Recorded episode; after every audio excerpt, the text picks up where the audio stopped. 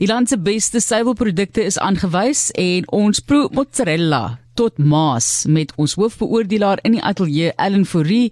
Hy is die hoofbeoordelaar van die Suid-Afrikaanse Suiwelkampioenskappe en wonderlik wat plaasvind elke jaar samekoms van so baie mense, 70 beoordelaars om vas te stel wat was die beste suiwelproduk in Suid-Afrika. En Ja, hierdie een word in Simonium gemaak. Ek het nie geweet dit is so naby nie en dit is hierdie jaar as suiwelproduk van die jaar gekroon tydens die gesogte Suid-Afrikaanse suiweltoekenninge wat donderdag 25 Mei plaasgevind het in Durbanville en vanjaar se geleentheid was 'n viering van merkwaardige mylpaal.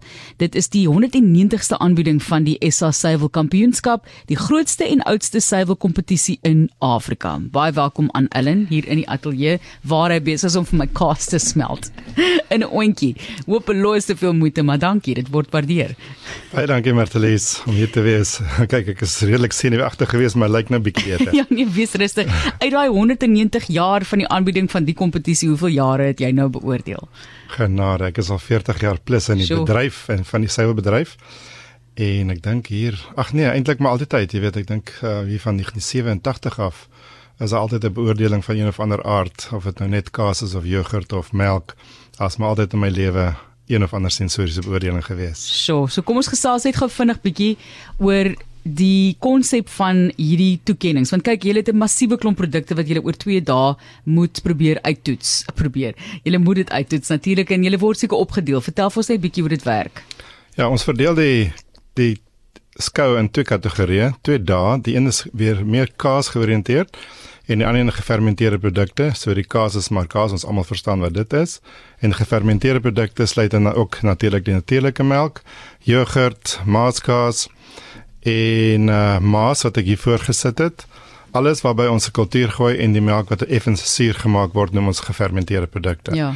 En baie mense wat laktose intolerant is, dan ek dink dis gesonder as gewone produkte. Goed vir die maag, né? Nee? Ah, ja.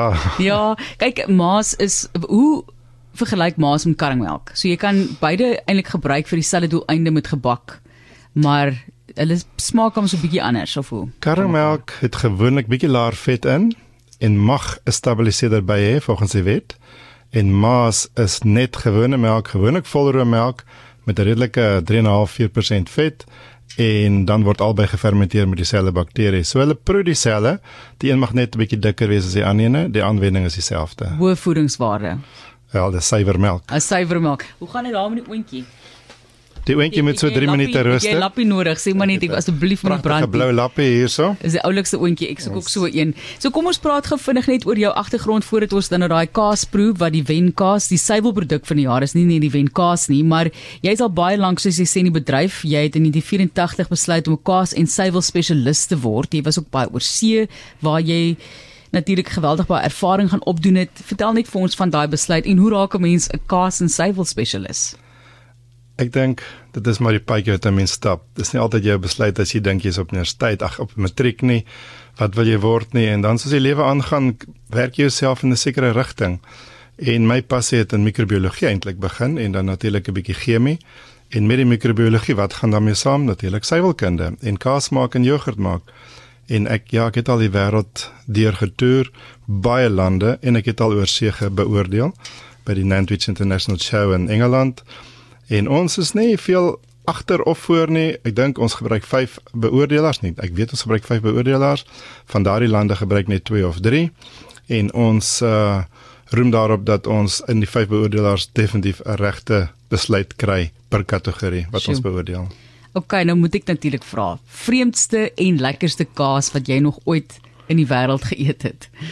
Die lekkerste kaas moet een wees wat ek gemaak het. As o, het jy dan maak jy nog jou kaas ook goed? Wat nee, en wat se kaas nee, is dit? Nee, nee, ek ek ek mag dit sê nie, maar ek maak okay. vegan kaas. Okay, hoekom mag jy dit sê? Want dit is vegan, is nie suiwel nie. Nou, ek vra mos nou, jy mag mos sê ek vra. Die, die, ek dink jy bes. Ek het al van die vegan kaas geprobeer en ek ja. weet dit raak beter en beter. Ja. Want ek dink ek het 'n vegan parmesan kaas eendag probeer wat ek voel nog 'n bietjie tyd nodig het. O, jette julle. Kaas sommer net so Net so net so. Is jy okay? Wil jy hom eers bietjie afsit voordat ons die voordat ons die die bestuur hier in die gebou kwaad maak? Dis jammer ons het nie 'n video hier nie. Kyk hoe pragtig brein as hy gesmelt en jy ryk hom sommer, maar ons moet binne beoordeel. Fantasties. Ja, ehm um, die beste kaas dink ek is is een van die goue kase wat deur die jare ontwikkel is met spesiale kulture waar jy die marmite savory notes kry, die kaasneute, die botterneute smaak kry. En ehm uh, die weird and wonderfulste oog genade daar's baie wat ek dink ek gaan nie die woord sê nie maar as baie wat jy moet weghardloop as jy hom sien. ja, ek gaan agterna hol want hy lewe, hy lewe. Dit lewe. is van daai wat ek ook so lief vir is wat amper, amper so van die bord afloop. Ja, nee, dan moet jy versigtig wees hoor. Kom ons praat dan nou oor die kaas en hoe jy kaas ook beoordeel. Jy het dit nou vir ons warm gemaak om te smelt. So julle byvoorbeeld staan voor daai tafels en tafels seilprodukte. Hoe benader julle dit? elke elke gradeerder kry pak papiere wat binne sy kategorie is. En dit kan nou jogurt wees en hy kan melkproe, hy kan geurmelkproe of ons kan goue kaas en cheddar kaas proe of blou kaas en wit skimmelkaas en sagte kaas. So ons deel die die beoordelers in volgens die kennis wat hulle het. En uh, dis 'n baie na, lekker skool natuurlik vir die jong gradeerders ook om opleiding te kry en hulle self te skool in sensories van die lewe. Dan As ek nou spesifiek gaan fokus op ons wenkaas vandag wat 'n mozzarella is, gemaak van Ayrshire melk. Gewoonlik sal ons 'n mozzarella nou trek en jy sal 'n tipiese hoenderbors vleis effek kry. En sodra jy dit kry, weet jy al klaar. Ek demonstreer dit nou hier vir Martelies. Hoenderborsvleis effek. Kyk, dis nou 'n manier om te staan is net presies. Ja, ja. En dan moet hy droog en lekker ferm wees, elasties. Hy moet squeak op die tong so. As jy hom kom met hy, wie wie maak amper. Bietjie ek, ek mens wil sê rubber, maar dis ook nou nie die regte woord nie. Ja, ek wil nie rubber gebruik nie. Ek klink 'n bietjie rof, maar ek sê ja, ja. En dan as ons hom rasper, oeps, sê dit. As ons hom rasper, dan moet hy lekker smelt aan die oond vir 3 minute. Hy moet elke rasper string moet in een smelt met massa. Daar moenie vry olie wees nie, vry water wees nie. En hy het nou net lekker afgekoel. Geen so vry gaan, olie wat ek daar sien nie. Dis nou maar nee, olie wat seker maar 'n bietjie rondloop uh, en, en so. hy moet so 20% eh, blistertjies maak, blaasies, breinblaasies moet goudbruin wees, nie swart brand nie. Ek kan so keer, jy kan sien daar's geen water of olie wat afval nie. Ja. En dan gaan ons die vurkie insteek en ons gaan hom trek en dit gaan 'n pragtige venstertjies maak. Kyk net daai lieflike venstertjies wat hy maak. Sjoe, sjoe, sjoe. En hy moet ten minste 15-20 mm trek. Ag, daai jy moet goed, dan moet jy daai weer doen want dit lyk om te lekker. Daai lyk te lekker te lekker. Ja. En dit is ons dan nou suiwelproduk van die jaar wat hierso so tentoongestel word. Ek het 'n vinnige fotootjie geneem wat ek vir jou kan. Nee. Jo, dis pragtig. Ja. Lyk amper soos 'n deeg. En dan weet ons nou is hy baie lekker en hy's en is nou gerasper ook en ek gaan hom nie nog vat nie, maar gaan wel vir jou 'n stukkie daar offer. Ah, oh, die die en jy sal die karamel smaak kry. Die kampioene sê ek vir jou, middagete van kampioene. Ja, ja, die karamel smake, die gebrande oh. suiwel wat soos neute is. Ja. En dit is net die room en die botter kom uit na vore en dit is absoluut 'n fantastiese kombinasie. So want ek ek soos ek wou gesê het ek het toe nou gister juis met hierdie kaas 'n bietjie van 'n gereg gemaak waar jy nou van die kaas tussen die laag van eiervrug plaas en boop. Maar vertel vir ons bietjie net van die verskillende tipes van mozzarella en hoekom hierdie mozzarella. So jy het nou vir my sekere van die karaktertrekke uitgewys, maar jy kry mos nou die vreeslike grand buffalo mozzarella kaas wat jy kry buffel mozzarella kaas en die die burratas van die wêreld en so 'n wat dit wat baie verskil van mekaar. Hoekom hierdie spesifieke een? Hierdie is die in die mozzarella kategorie die een wat die meeste gebruik word in die wêreld. So in, in volume gewys is pizza mozzarella maar jou kaas. Die burratas en die buffalo mozzarella het in daai klas ja, hulle het elkeen sy eie plek, hè, wie die bocconcini, noem dit 'n mondvol en, en ek dink bocconcini staan vir mondvol in Italiaans. En daai goed het elkeen sy eie plek en sy eie reg. Maar as ons kyk na 'n volume, dan is dit fantasties om so kaas as 'n produk van die jaar te kry. Ja. En ons verkoop massas tonne 'n maand. Kan jy syfer noem nie, maar ons verkoop regtig tonne en tonne 'n maand. Sure. En dit pas in by die mozzarella moet ook nie te veel smaak hê nie, want hy moenie die pizza smaak oorheers nie. Hy moet daai squeakiness hê wat jy nou definitief gevoel het toe jy hom geëet het daaroor en hy moet smelt. Hy's 'n funksionele produk en nie noodwendig 'n eetproduk nie. So op die pizza moet hy funksionele eienskappe toon en nie eeteienskappe nie. Maar ek wil hom eet ook. Natuurlik. Ek het nou opgevat mense en dis baie baie baie lekker. Ek wil dit eintlik nog net so eet. Maar dit is hier op RSG waar ons die suiwelproduk van die jaar uit uittoets, uitproe. En Ellen Fourie, een van die hoofbeoordelaars, is saam met ons hier in die ateljee.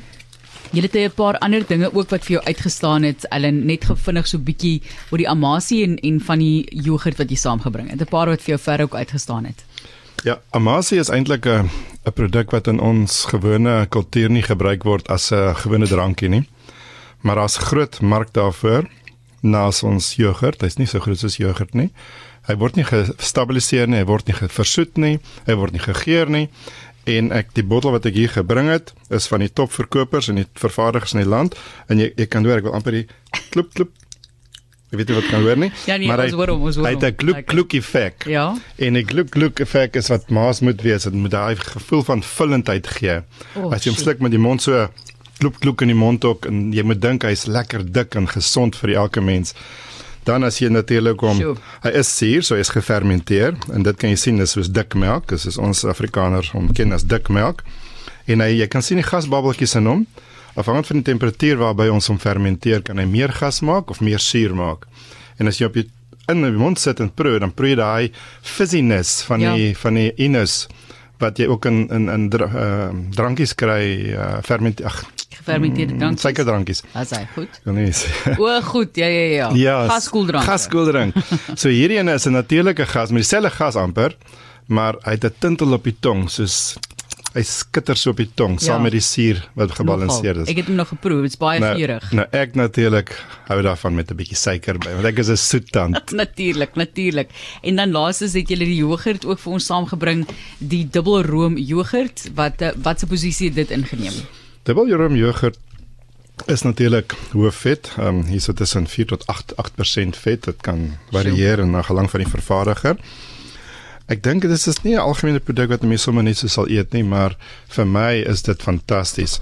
En jy kan sien die tekstuur is is super, jy weet. En die gebruik in gebak is seker. En die gebruik in gebak, jy kan net so eet, jy kan 'n bietjie heuning bygooi, jy kan jou muesli bygooi. En en enigiets wat jy so voel, jy kan sny skitter en hy is absoluut net vol room. As jy nou die die vol die dubbelvet room proe, dan kan jy weet dit is hoekom hy dubbelroom genoem is en uh hierdie produkte het oh, altyd 'n baie hoë telling op die skou. Vaderland. Uh, dit het hoër tellings as jou geur jogurts en jou gewone laafvet en vetvrye jogurts.